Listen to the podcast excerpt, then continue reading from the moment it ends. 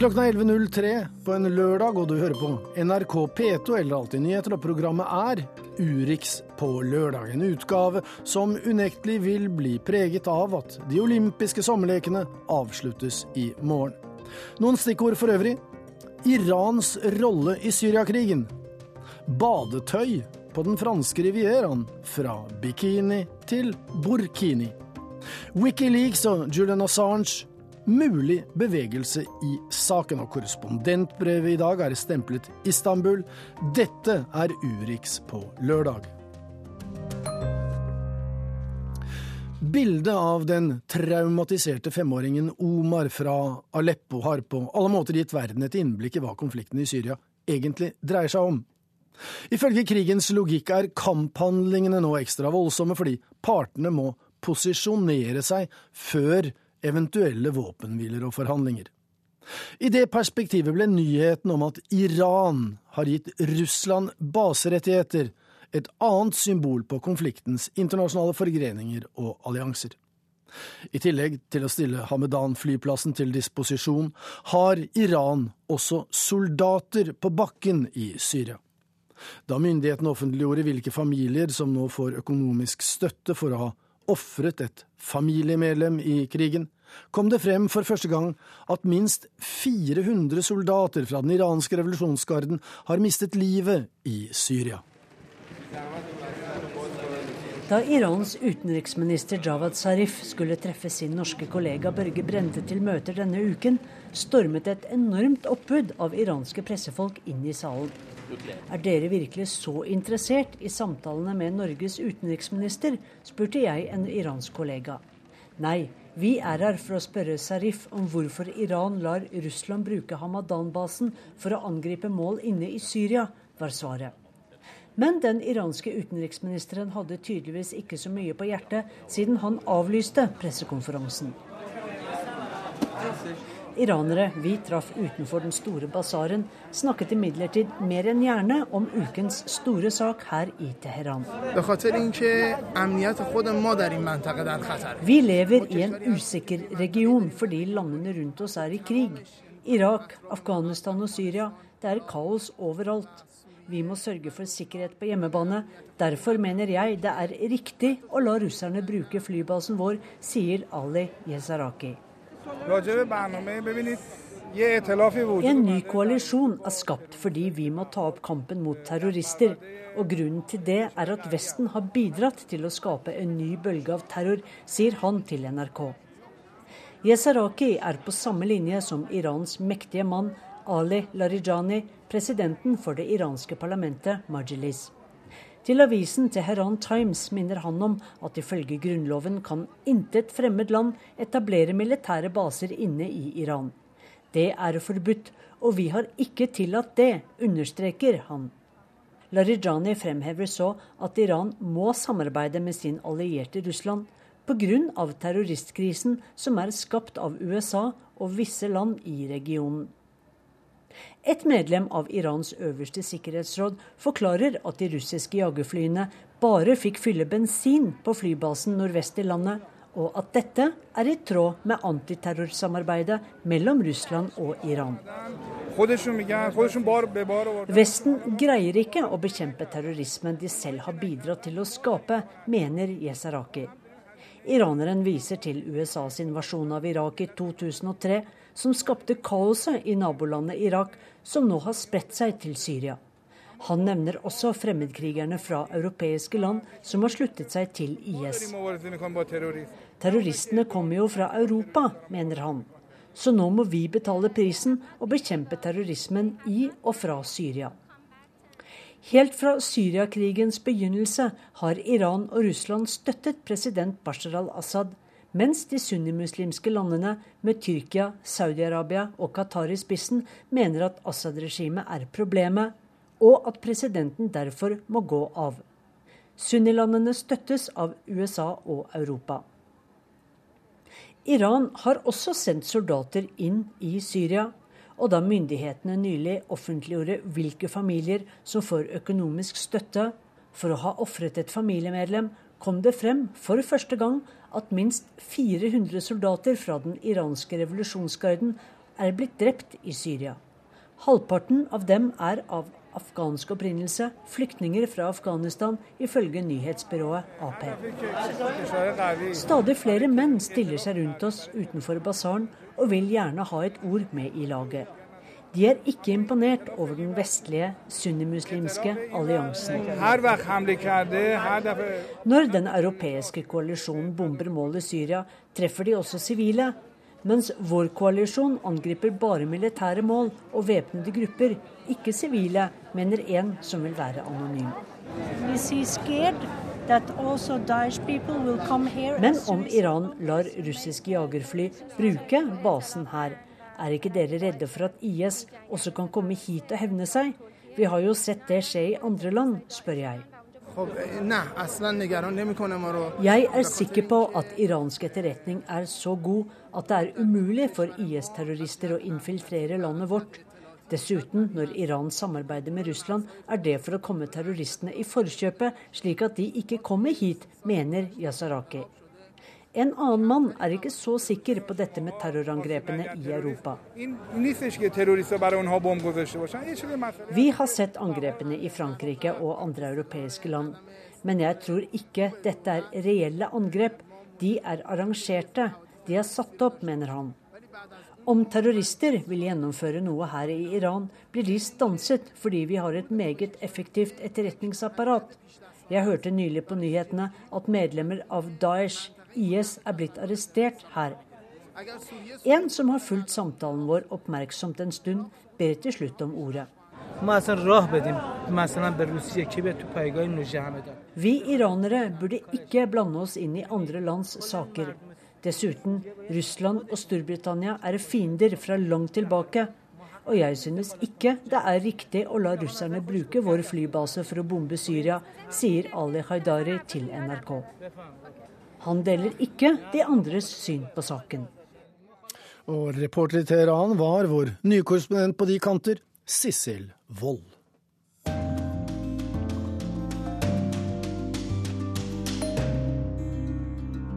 En badedrakt brukt av muslimske kvinner har skapt de helt store bølgene i fransk politisk debatt denne uken. Badedrakten dekker det meste, bortsett fra føtter, hender og ansikt. Dette plagget er blitt omtalt som en provokasjon, som symbol og som religiøs ekstremisme av ordførerne som har innført forbudet. Muslimene selv mener kvinnene deres på denne måten blir jaget fra badestrendene, mens menneskerettighetsaktivister sier forbudet strider mot de franske grunnverdier. C'est ridicule. Pourquoi Parce que moi je vois des personnes toutes nues et je vois pourquoi on pourrait pas s'habiller. Dette er bare helt idiotisk, sier en ung muslimsk kvinne på badestranden. Jeg ser nakne folk her og forstår ikke hvorfor jeg ikke kan ha klær på. Vi må få lov til å gjøre hva vi vil, sier hun. Hun har iført en burkini-lignende badedrakt, som nå er forbudt på en rekke franske badesteder, og filmbyen Cannes var først ute. Der har allerede flere fått en bot på 38 euro. Byens ordfører representerer republikanerne, partiet på høyresiden. Euh,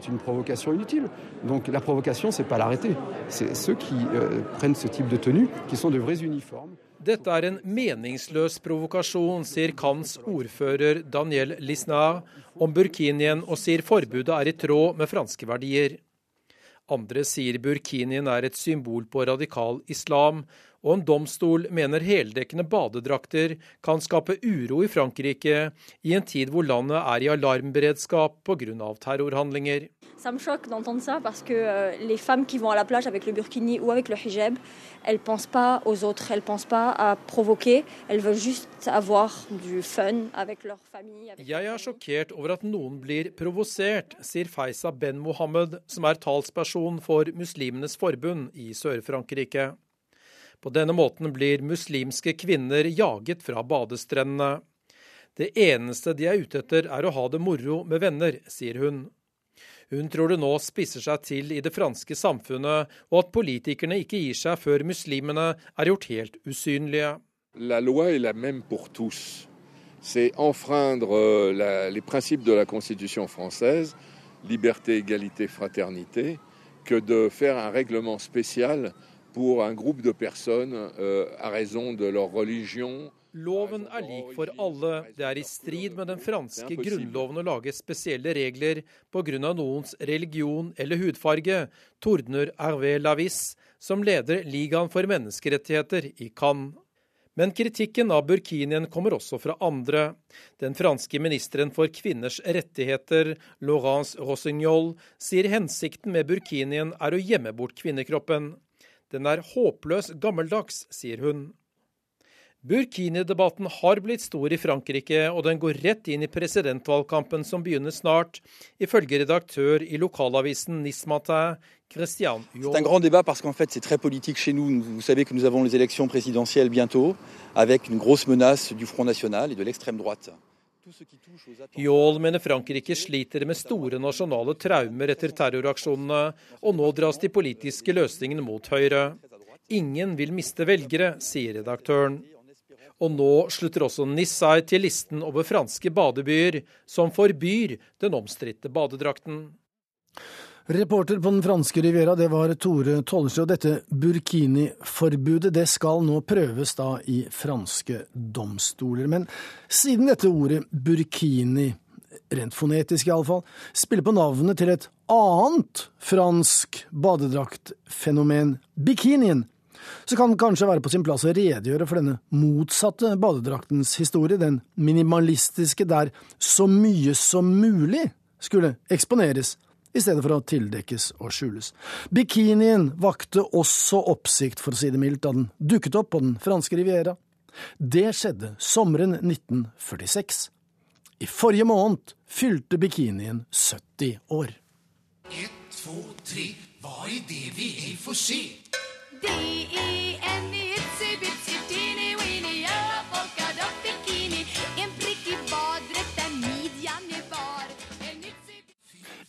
juli 1946, på et moteshow i Paris, presenterte Louis Réard sin nye kreasjon. Den todelte badedrakten for kvinner, der selve badingen nok var underordnet. Det var på land den hadde sin interesse og oppnådde sin hensikt.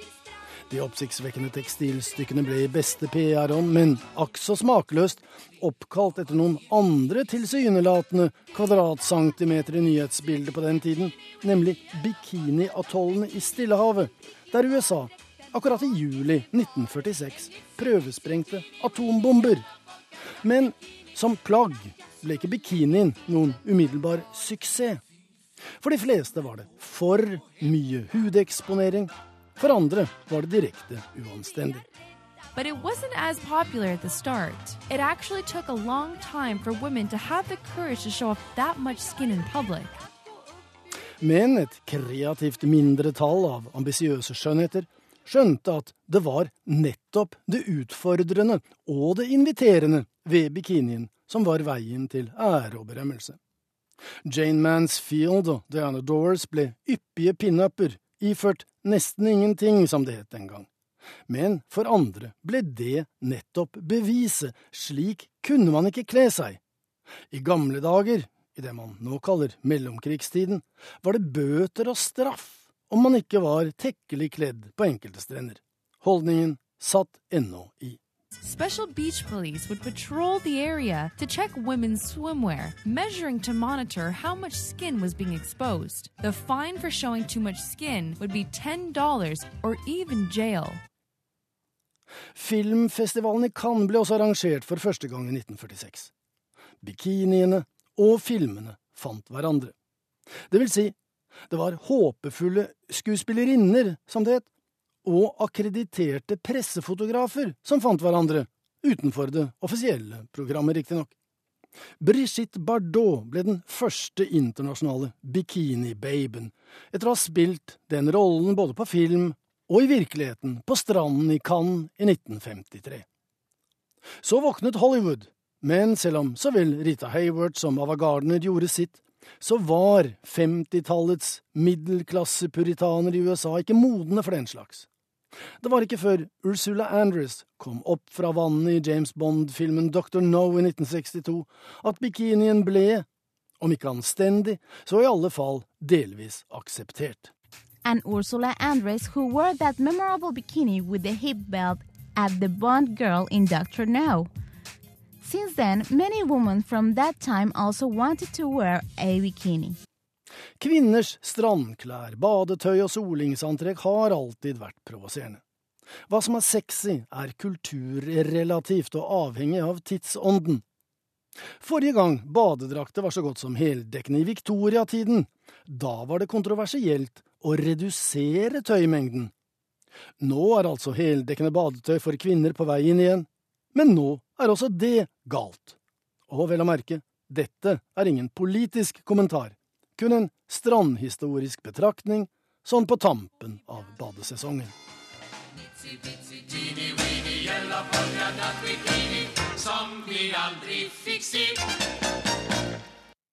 Ja, Et av de stedene der bikinien virkelig har slått an, det er på Copacabana i Rio de Janeiro, byen der de olympiske sommerlekene nå går mot slutten. Det er riktignok eh, to konkurransedager igjen, men til nå i hvert fall, så har det ikke vært noe av det alle arrangører av store arrangementer frykter aller mest, nemlig terrorangrep. Mer eller mindre edel kappestrid, litt fleksibelt i henhold til de olympiske idealer, har fått stå i fokus. Men i morgen er det avslutningsseremoni på byens berømte fotballstadion på Maracana, og debatten er allerede i full gang om hva OL-byen har igjen for dette arrangementet, som har kostet mer enn 100 milliarder norske kroner. Reporter Ant Stefansen han har bodd i Rio det siste året, og han har fulgt debatten siden byen ble tildelt lekene i 2009. Stemningen er god på den olympiske boulevard i sentrum av Rio de Janeiro.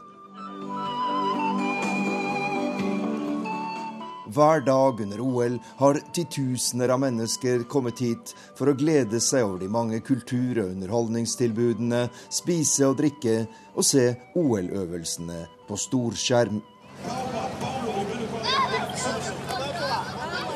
Og selvsagt må de ha bilde av områdets største attraksjon, den olympiske ild. Men i morgen kveld er festen slutt, og hva har Rios innbyggere igjen for arrangementet som har kostet mer enn 100 milliarder norske kroner. Vi kan jo starte med dette området hvor vi er nå, sier den 45 år gamle Flavia Oliveira. Dette var et øde havneområde uten tilbud eller folkeliv av noe slag. I dag syder det av aktivitet her. Travle gater med kafeer, restauranter, museer og andre tilbud. I tillegg er Rios transportsystem blitt mye bedre, så jeg mener byen har fått mye igjen for de pengene som er brukt på OL, sier hun. Aproxima as pessoas encurta cada vez mais as distâncias. Og arrangøren Rio 2016 setter ikke sitt lys under en skjeppe. OL har gjort Rio til en bedre by. Vi har fått nye metrolinjer, nye bussforbindelser og nye trykkelinjer. Og kampen mot kriminaliteten i favelaene har gjort byen tryggere, heter det i denne offisielle OL-videoen. Men to meningsmålinger som ble gjort like før OL, viser at et flertall av brasilianerne mener arrangementet er til mer skade enn gagn for Brasil. Hvordan er det mulig?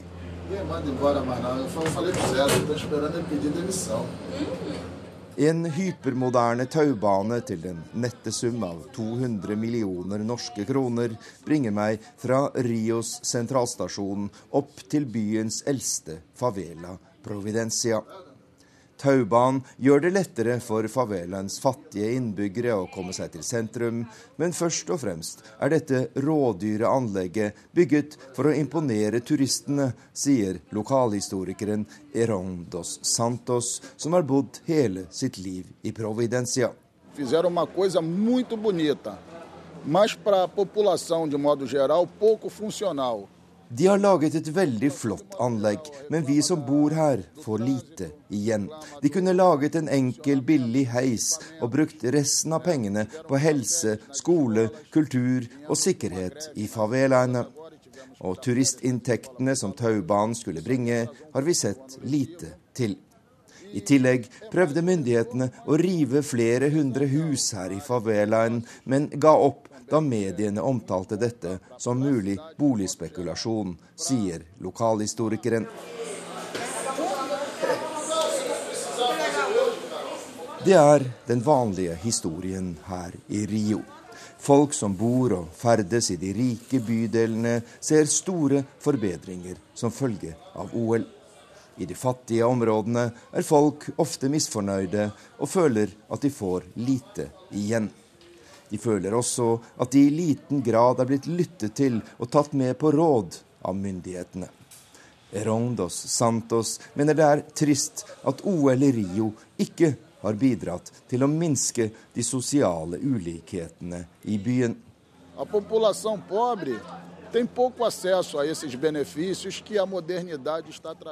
Den fattige befolkningen har få fordeler av moderniseringen av byen.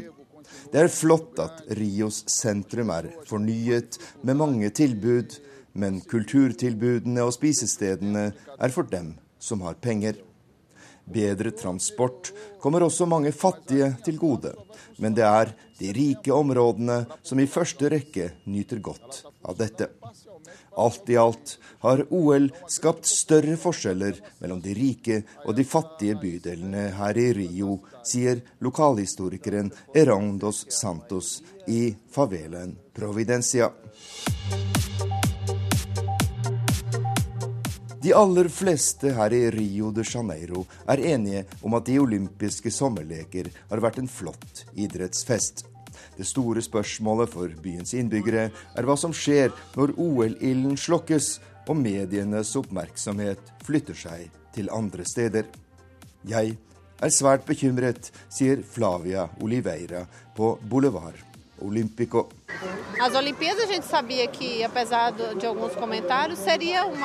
boa. Vi hadde ventet at OL skulle bli en fin idrettsfest, selv om noen var skeptiske. Det alle jeg kjenner snakker om, er hva som vil skje etterpå. Vi vet at delstaten Rio er konkurs, og at det mangler penger til å betale lærere, helsepersonell og politifolk. Det jeg først og fremst er redd for, er at kriminaliteten nå vil øke. De store OL-budsjettene har gitt oss beskyttelse, men når de pengene er borte, kan det bli ille, sier den 45 år gamle Flavia Oliveira her i Rio de Janeiro. Ja, og mens uh, Rio de Janeiro sitter igjen med regningen, så er det mange andre som sitter igjen med gode minner, blant andre USA. Da deres uh, kvinnelige sprintere forleden vant gull i fire ganger 100 meter stafett, så tok eh, amerikanerne sin 1000. gullmedalje i sommer-OL siden lekene begynte i 1896. Og også i de lekene som fremdeles pågår, så har eh, de gjort det bra. De har eh, tatt 105 medaljer i det beste sommer-OL i moderne tid for USA.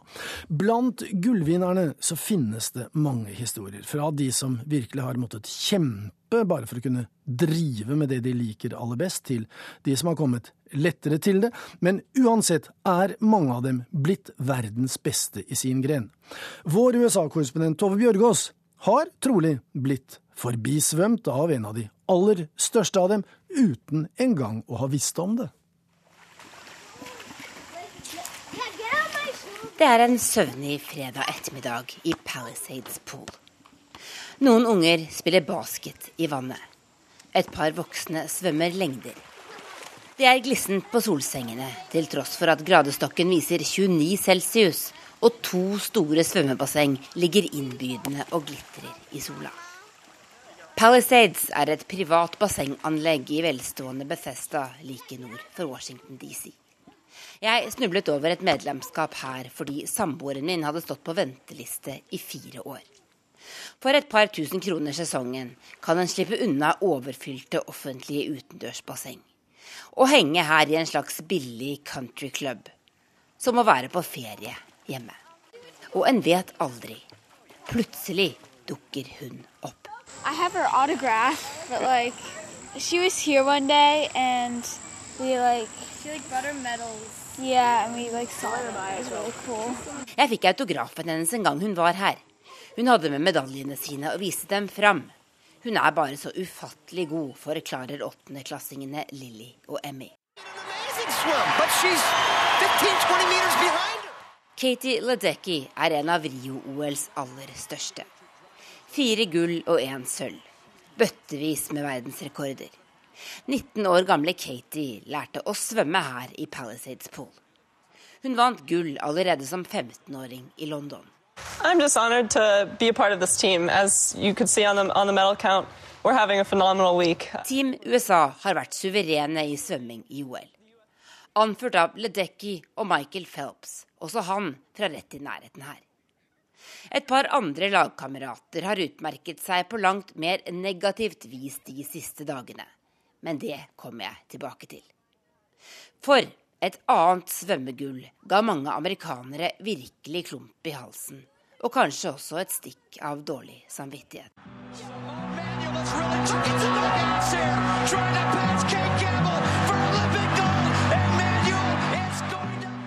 Dette er Simone Manuel på vei inn til gull på 100 meter fri.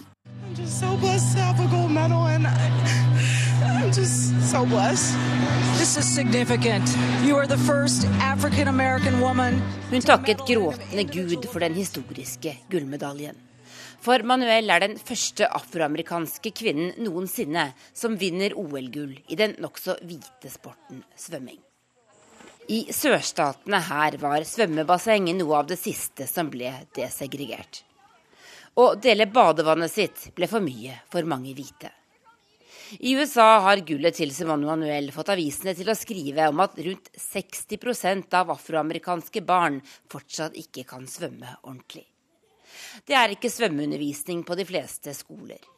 Og overfylte offentlige bassenger er dårlig vedlikeholdt og mangler vann mange steder. Her jeg ligger på en grønn solseng og skanner oppmøtet i Palisades Pool denne fredagen, ser jeg for øvrig bare én eneste liten jente med annen hudfarge enn hvit. Det er selvsagt ikke segregerte badefasiliteter her i Washington. Men det er uaktuelt for mange svarte her å betale 500 dollar i årsavgift for å ta med ungene hit for å svømme.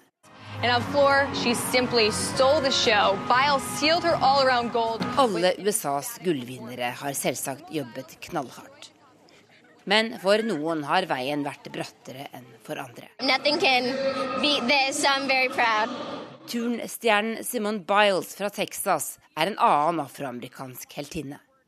Biles er egentlig ikke fra Texas, men fra Ohio. Moren hadde rusproblemer og var ikke i stand til å ta seg av henne.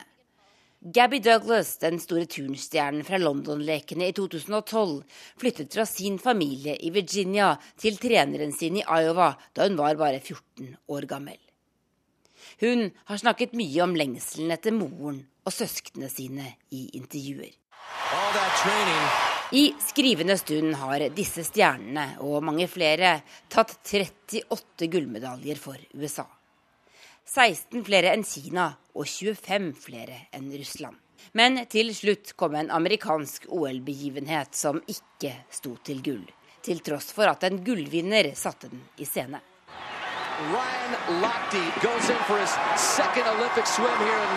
Svømmeren Ryan Lochte fortalte for noen dager siden til NBC at han var blitt utsatt for et væpnet ran da han var ute og feiret sine medaljer med noen yngre lagkamerater.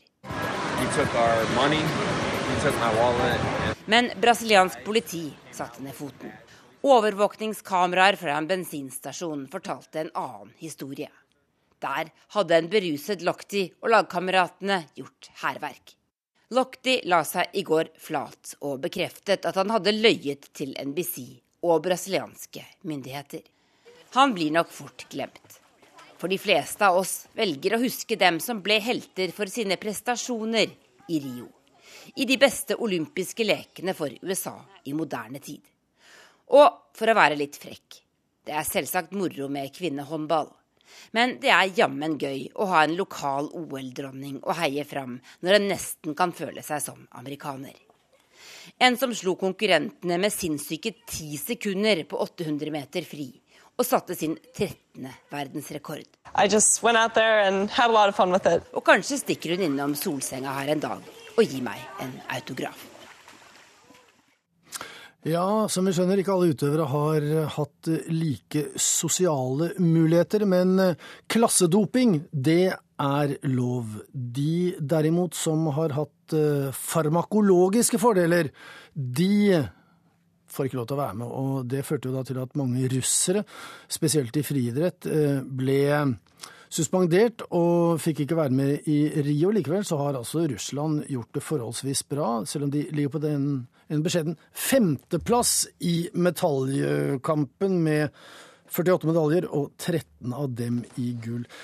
Eh, NRK-korrespondent eh, Morten Jentoft, du er med oss fra Moskva. Og etter denne dopingskandalen i forkant, hvordan kommer russerne til å se tilbake på disse lekene i fremtiden? Det blir jo interessant å, å, se hvordan man vurderer det. Man fikk en liten seier her i går når Eh, stav-S eh, Jelena Isinbayeva ble innvalgt i denne eh, olympiske komiteen som representant for utøverne. Det ble med en gang løftet fram her i russiske medier, bl.a. av sportsminister Vitalij Motko, som sa at dette var en moralsk seier for Russland. Det er idrettsmenn og -kvinner som er viktige her. Og det var, ble trukket fram også her det som Isinbayeva sa, at hun mente russerne ble behandlet urettferdig urettferdig på, eh, på forhånd der, gjennom denne kollektive avstraffelsen, som gjorde at også hun da ble utelukket fra eh, OL, selv om eh, det ikke er noe dopingsak direkte rettet mot henne. Betyr det, betyr det Morten Jentoft, at russerne med denne utnevnelsen på en måte tolker det dit hen at de nå regnes med også i fremtidige leker, at fortid er fortid? Jeg tror at man tenker litt sånn her nå. Eh, eh, man ønsker å være en del av det gode selskapet. Og det blir jo også interessant å se om de nå da tar til seg denne kritikken kritikken om eh, statlig styrt doping. Her var det jo ganske overveldende eh, bevis, selv om det ble avvist delvis fra russisk side, om omfattende doping innenfor flere idretter. Og i forbindelse med de olympiske lekene i, i Sotsji. Russerne vet at dette må de nå ta på, eh, på alvor. De har hele verdens søkelys rettet mot seg. Og eh, de fikk jo en delvis innrømmelse når eh, ikke hele laget deres ble utelukket fra eh, OL, med bare altså eh, friidrettslaget minus én person, eh, lengdehopperen Daria Klisjin.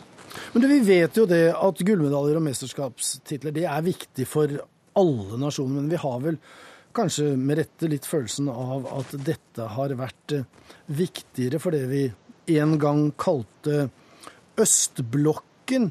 I da forhold til patriotisme og nasjonsbygging osv. Har russerne, Russland, arvet noe av denne holdningen til betydningen av gullmedaljer fra Sovjetunionen? Det har de i aller høyeste grad, og ikke minst eh, gjennom det prosjektet som eh, Vladimir Putin har hatt gående med Russland i den tiden han har styrt eh, landet siden 2000. Eh, det har jo vært satset enormt på sport igjen her borte etter noen magre år på 1990-tallet. Det så vi jo i forbindelse med vinter-OL i Sotsji i 2014, der da Russland klarte å bli beste nasjon. Og det har sats, vært satset mye på utbygging av anlegg og mm, profesjonalisering også av idretten mange steder. Sånn at uh, dette er viktig i oppbyggingen av det nye Russland. Derfor så uh, opplevde man jo det som et slag uh, i trynet, det som skjedde nå da med denne kollektive avstraffelsen av russiske idrettsmenn og -kvinner i forbindelse med Rio-OL. Men det betydde det at russerne vendte Rio litt ryggen, eller sluttet de da i solidaritet enda mer helhjertet opp om sine helter i en stund da de virkelig trengte deres støtte, så å si? Det har vært stor oppmerksomhet eh, rundt eh, Rio-OL, eh, som vanlig her i Russland. så idrett ble jo omfattet med stor interesse interesse. Men selvfølgelig det er bittert for russerne å svelge at man ikke er med i eh, den kanskje mest prestisjetunge grenen, nemlig eh, eh friidrett.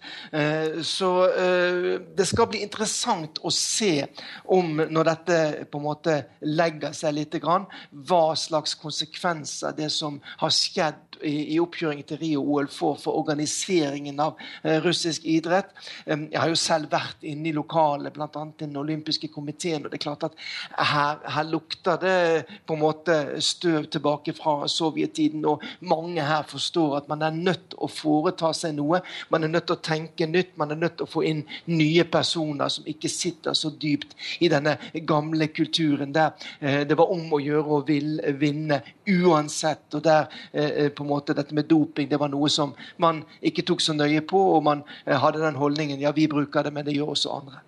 Da sier vi takk til deg, Morten Jentoft, og vi setter sluttstrek for eh, sommerlekene i Rio de Janeiro i denne sendingen. Men det er altså to dager igjen.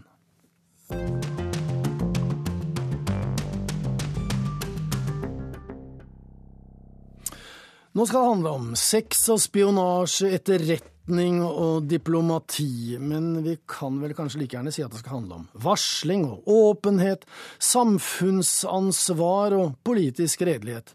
Eller kanskje like gjerne fravær av akkurat det siste. Vi snakker om Wikileaks, der grunnleggeren Julian Assange har oppholdt seg i eksil i Ecuadors London-ambassade i seks år, på grunn av beskyldninger om to voldtekter i Sverige i juli 2010. Sverige har nå gått med på å avhøre Wikileaks-grunnleggeren Julian Assange i den ambassaden, som han altså ikke vil forlate, fordi han frykter at han da vil bli pågrepet og utlevert til USA, der han, etter egen mening, kan risikere å bli dømt til døden for å ha lekket amerikanske militære hemmeligheter. Det er morgen i Bagdad 12. juli 2007 drøye fire år etter det amerikanske angrepet på Irak. Kampen mot opprørere fortsetter. Et Apache-helikopter henger i luften. Opptaket fra våpenkamera i det viser hva som skjer på bakken, hva de har i skuddlinjen. En gruppe menn går nedover en gate. Amerikanerne mener de er bevæpnede opprørere. Det skal siden vise seg at det to av dem bærer over skulderen, er noe helt annet. De er fotojournalister fra nyhetsbyrået Reuters.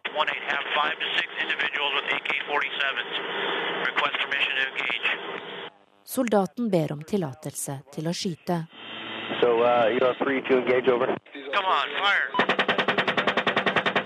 Døde faller om, og støvet virvles opp i luften. Noen forsøker å løpe unna, men blir innhentet av kulene. En minibuss ankommer åstedet. Skadde blir løftet inn. Amerikanerne vil skyte på den også.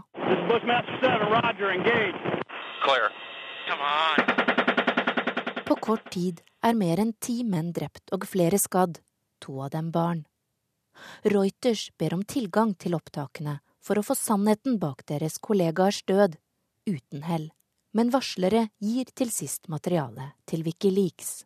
Det er et nettsted som publiserer lekkede dokumenter på internett for å avsløre ubehagelige sannheter, løgn, krigsforbrytelser og uetisk oppførsel hos myndigheter og i forretningsverden. 5. april 2010 kan alle se med egne øyne hva som skjedde. Med ett er Wikileaks kjent over hele verden, og en talsmann trer frem i lyset.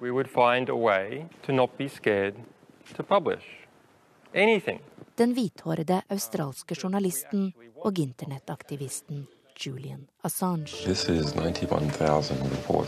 Assange har mer i ermet. Og denne gang har han samarbeidet med flere større aviser.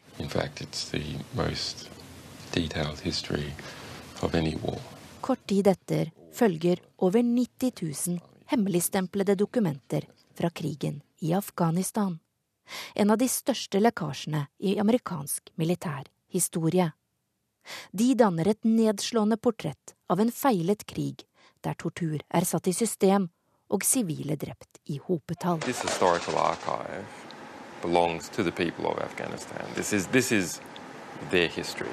Assange mener sannheten tilhører det afghanske folket. Amerikanske myndigheter mener derimot at han driver med informasjonsterrorisme og vil straffeforfølge Assange for spionasje.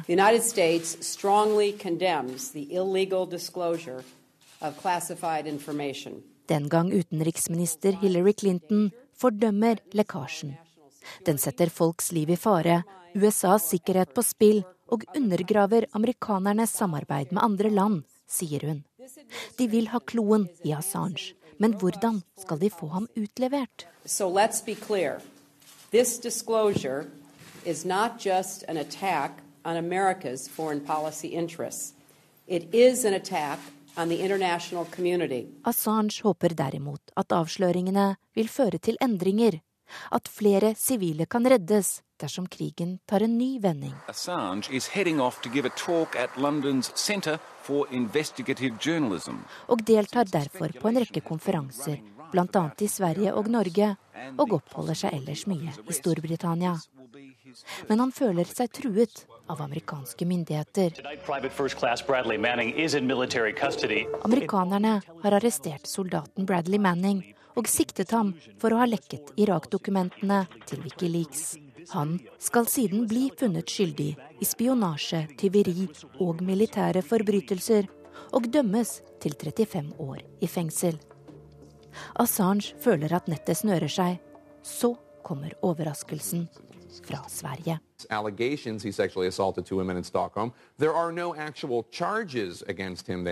Sverige vil ha Assange utlevert, anklaget for seksuelle overgrep mot to svenske kvinner under en konferanse i august 2010. Assange sier han er sjokkert, og hevder å være utsatt for en honningfelle. Spesielt fordi det er svenske påtalemyndigheter, og ikke kvinnene selv, som skal være pådrivere i saken, som i stor grad dreier seg om bruk av kondom under samleiene. Assange frykter Sverige vil utlevere ham til USA, og søker tilflukt i Ecuadors ambassade i London når britene i 2011 vedtar at de vil utlevere ham til Sverige. Really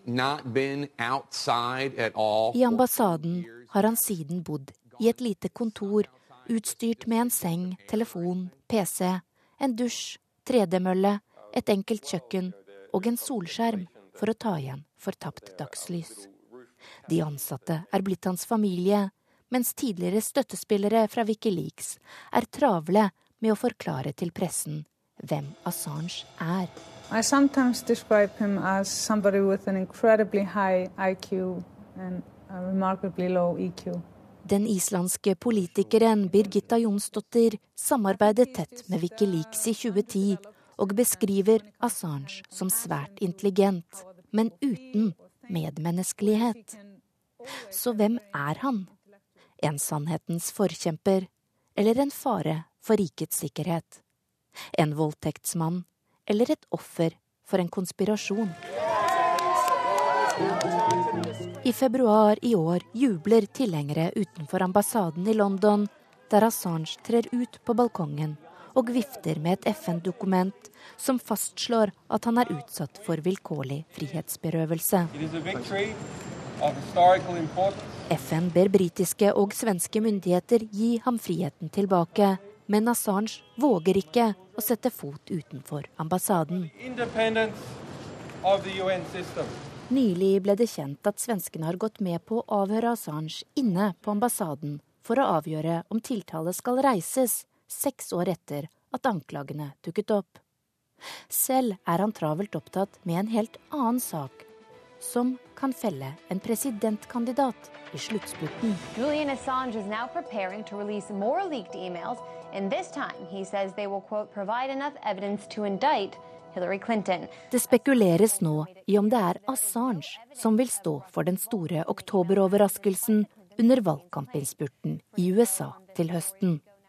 Om han vil spenne bena under hun som i sin tid forsøkte å få ham bak lås og slå.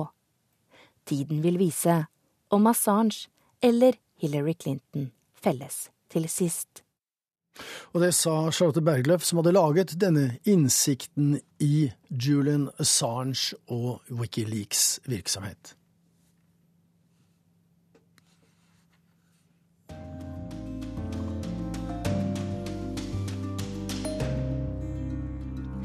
Så en kort bruksanvisning for lytterne om våre korrespondenters tilstedeværelse. Sissel Wold, som vi hørte tidligere i sendingen, skal fra nå av ha base i Istanbul. Mens Kristin Solberg, som har vært nettopp der, har flyttet til Beirut. Men før hun gjorde det, så tok Kristin avskjed med nettopp Istanbul i brevs form. Det er de siste dagene som alltid er verst da følelsene svinger mest. Heldigvis er det også de mest hektiske. Esker skal pakkes, abonnement skal avsluttes, avskjeder skal tas. Jeg sier heldigvis, for er man travel nok, blir man nummen. En travel person rekker ikke å tenke mye. En travel person som ser utover Bosforostredet, føler ikke vemod fordi man snart ikke lenger vil se det, men er opptatt med å tenke nå må jeg huske å avslutte mobilabonnementet mitt. Så må jeg ringe flyttefolkene for å be dem om å komme tidligere, og etter det må jeg huske å betale tolken sin siste lønning. En travel person ser ikke skjønnheten i omgivelsene rundt seg, og føler dermed heller ikke nostalgi. Jeg skal flytte fra Istanbul, en by som for meg er blant de aller flotteste i verden. Jeg skal til Beirut for å bli NRKs neste Midtøsten-korrespondent, en jobb jeg har ønsket meg. Likevel forlater jeg Istanbul full av tvil, full av lengsel. Derfor holder jeg meg travel de siste dagene, en lett oppgave gitt alt som skal gjøres når man flytter fra et land til et annet. Men noen ganger må jeg stanse opp, og det er da vemodet kommer. Å være korrespondent innebærer mange ting. Det innebærer å rapportere og å reise. Det innebærer å snakke med folk ute og formidle det til folk hjemme. Dette er de åpenbare tingene, de som er så selvsagte at de knapt bør nevnes, de alle forbinder med jobben. Men det færre snakker om, er at det å være korrespondent også innebærer å forlate mennesker og steder. Noen ganger er det lett, andre ganger er det noe av det vanskeligste ved jobben. Ikke vanskelig på den måten det er tungt å intervjue en mor som har mistet et barn i borgerkrigen i Syria, nei, så klart ikke men vanskelig på et annet plan, et plan som innebærer lengsel og ofte, for min del i hvert fall, tvil over egne valg. Jeg har gjort det så mange ganger at jeg har en viss rutine. Jeg vet hvilke følelser som kommer, og ofte når de kommer. Som oftest begynner det med en følelse av besluttsomhet når avgjørelsen tas. Omtrent en måned før avreise føler jeg meg overveldet av alt som må gjøres, og alt som ennå ikke er gjort. Så kommer savnet og tvilen noen uker før selve flyttingen. De siste dagene er det som om følelsene ligger utenpå kroppen. Man legger merke til ting man ellers ikke ser. Ting man ellers tar for gitt, setter man plutselig umåtelig stor pris på. Ting som ellers skaper irritasjon, blir med ett sjarmerende. Når jeg går gjennom gatene i Istanbul de siste dagene, er det slik det er. Fylliken som sover på asfalten under en reklameplakat i nabolaget mitt, har han alltid vært der? De skitne klærne og magerheten til tross, har han ikke et vakkert ansikt? Hva er hans historie? Teselgeren som har en bitte liten uteservering, den består bare av et par plaststoler og en liten tekanne på gaten som fører inn til huset mitt. Er han ikke helt unik? Den beskjedne kafeen til tross, han er alltid, hver eneste dag kledd i dress, som om han har en ukuelig stolthet boende i seg. Vil jeg noen gang få vite hans historie? I butikken der de leverer vann, sier jeg jeg har ikke hatt vann på to dager, vennligst kom med en gang. På tyrkisk.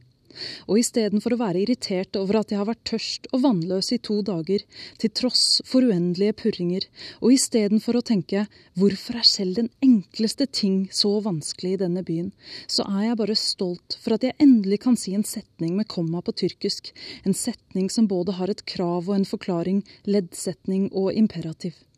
Skal jeg virkelig dra nå? Nå som vi akkurat begynner å bli bedre kjent, Istanbul og jeg. Det var på mange måter kjærlighet ved første blikk. Jeg likte byen fra første gang jeg så ned på den fra flyvinduet. Jeg kan ikke sette fingeren på det, men det var noe med de røde hustakene, storheten i arkitekturen fra Osmanriketiden og blåfargen på Marmarasjøen. Fra første dag føltes hver gate og hvert smug kjent, til tross for at retningssansen min til vanlig er usedvanlig stusslig. Det er utvilsomt en svakhet for en korrespondent som ofte ferdes i krigssoner, så jeg jobber kontinuerlig for å forbedre den, uten resultater det er verdt å snakke om. Men i Istanbul var det aldri et problem. Jeg kan ikke huske at jeg noen gang har gått meg vill, at jeg har sjekket Googles kartapp for å finne fram, noe jeg innimellom må gjøre selv i Oslo. Det kunne sammenlignes med en av de aller største forelskelsene, der man opplever at man alltid kjenner den andre, selv uten at ord blir uttalt. Den siste dagen er jeg opptatt med å dirigere flyttefolk og løper svettende mellom de siste ærender. Så, plutselig, er alt ferdig. Eskene er pakket, potteplantene gitt bort, telefonabonnementet avsluttet. Det er et ekko i leiligheten, alt er tomt der nå. Det er tomt også inni meg. Jeg ringer reisebyrået og flytter flyreisen frem noen timer. Jeg orker ikke den siste avskjeden, en middag på en folksom meihane i Karakøy. Flyttingen fra Istanbul begynner å ligne en rask flukt, en flukt fra mine egne følelser. På veien til flyplassen begynner det å regne. De tyrkiske flaggene vaier i sterk vind. Dette har alltid vært et land med mange flagg, men etter det mislykkede kuppforsøket har nasjonalismen nådd nye høyder. Lagrene til flaggselgerne er tomme etter millionsalg, står det i avisene.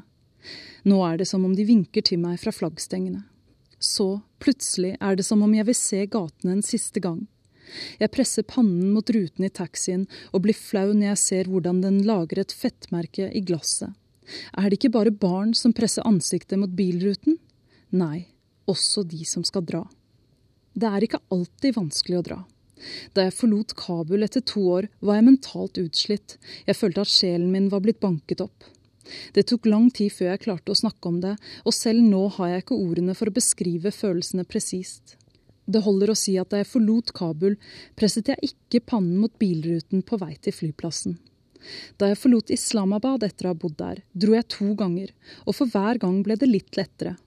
Første gang var jeg irritert og redd, to følelser som sammenfaller langt sjeldnere enn sinne og redsel. Jeg jobbet for Aftenposten på den tiden, og avisen hadde publisert Mohammed-tegningene. Det gikk som enhver med en minimumsforståelse av landet kunne forutse. Norske flagg ble brent, radikale islamister mobilisert, protester holdt, dødstrusler uttalt. Før jeg visste ordet av det, ble jeg kjørt til Benazir Bhutto internasjonale flyplass, eskortert av bevæpnede vakter og evakuert ut av landet. Etter noen uker, da det hele hadde roet seg noe, returnerte jeg. Jeg hadde en bok å skrive ferdig, og jeg var heller ikke ferdig med Pakistan. Men Pakistan var åpenbart ferdig med meg. Jeg hører at visumet ditt er blitt kansellert, sa Islamabads politisjef da jeg stakk innom for en kopp te. Han var en god kilde. Har det det? svarte jeg, forbløffet. Politisjefen viste meg et brev som var gått ut i alle politistasjoner og grensestasjoner i hele landet. Kristin Solberg var ikke lenger ønsket i Pakistan. Jeg var blitt persona non grata, og jeg var ikke engang blitt offisielt informert om det. På mange måter var det en veldig pakistansk utkastelse. Det meste skjer i kulissene. Uker med fortvilelse fulgte. Jeg ble værende i landet, ulovlig, mens jeg ba om hjelp fra norske myndigheter, fra pakistanske partiledere og politikere, fra informasjonsdepartementet, fra kilder i etterretningstjenesten, fra kilder i politiet, fra pakistanske journalister, fra alle som sa at de hadde en fetter som kjente noen høyt på strå i hæren. Alle kom tomhendte tilbake. Så, en dag da jeg nesten hadde gitt opp, nevnte jeg det for en venninne som jeg visste at kjente en minister. En minister som nok ikke tilfeldigvis for utfallet av denne saken hadde et godt øye til henne. I løpet av noen timer var jeg persona grata igjen. Jeg dro likevel, spaserte over grensen til India med en trillekoffert som en bebartet portner insisterte på å bære på hodet. Og jeg følte lite vemod. Å forlate Istanbul er annerledes. På veien til Atatürk-flyplassen, med pannen presset mot bilruten, tenker jeg at dette er som da jeg forlot London, en by som var mitt hjem da jeg var student, en by der jeg for øvrig heller aldri gikk meg vill. Jeg ville ikke dra, mange av mine studievenner ble værende. Lenge vurderte jeg det også, for her kunne jeg leve fint resten av livet.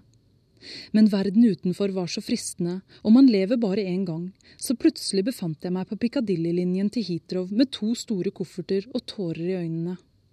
Jeg kunne ikke dra tilbake på flere år. En helgetur til London var som å se en ekskjæreste igjen, en du forlot, men aldri kom over. Nostalgien jeg følte kunne bikke over i et tungsinn som ikke forlot kroppen på flere uker. Sammen med den kom tvilen. Hvordan kunne livet ha blitt hvis jeg ble værende? Hvilken versjon av meg hadde blitt forsterket? Hvilke personlighetstrekk skjøvet mer til side hvis London var mitt hjem? En av tragediene eller skjønnhetene alt ettersom, ved vår eksistens er at vi ikke kan leve flere liv parallelt. Velger du noe, velger du bort noe annet du aldri får vite hvordan ville blitt. Jeg tror Istanbul vil ta samme plass. En by der jeg fra nå av vil dekke til flyvinduet når jeg mellomlander, selv om jeg risikerer kjeft fra flyvertinnen. En by jeg vil hate å snakke om i preteritum. En by jeg vil forsøke å unngå de neste årene. Ved innsjekking ber jeg om sete i midtgangen, for jeg orker ikke lenger å se hva jeg forlater. Og dermed er Urix på lørdag også for denne gang ved veis ende. Finn Lie er fremdeles teknisk ansvarlig. Ulf Tannes Fjell har vært produsent. Og jeg, Joar Ho Larsen, her i studio, har også bidratt lite grann, altså.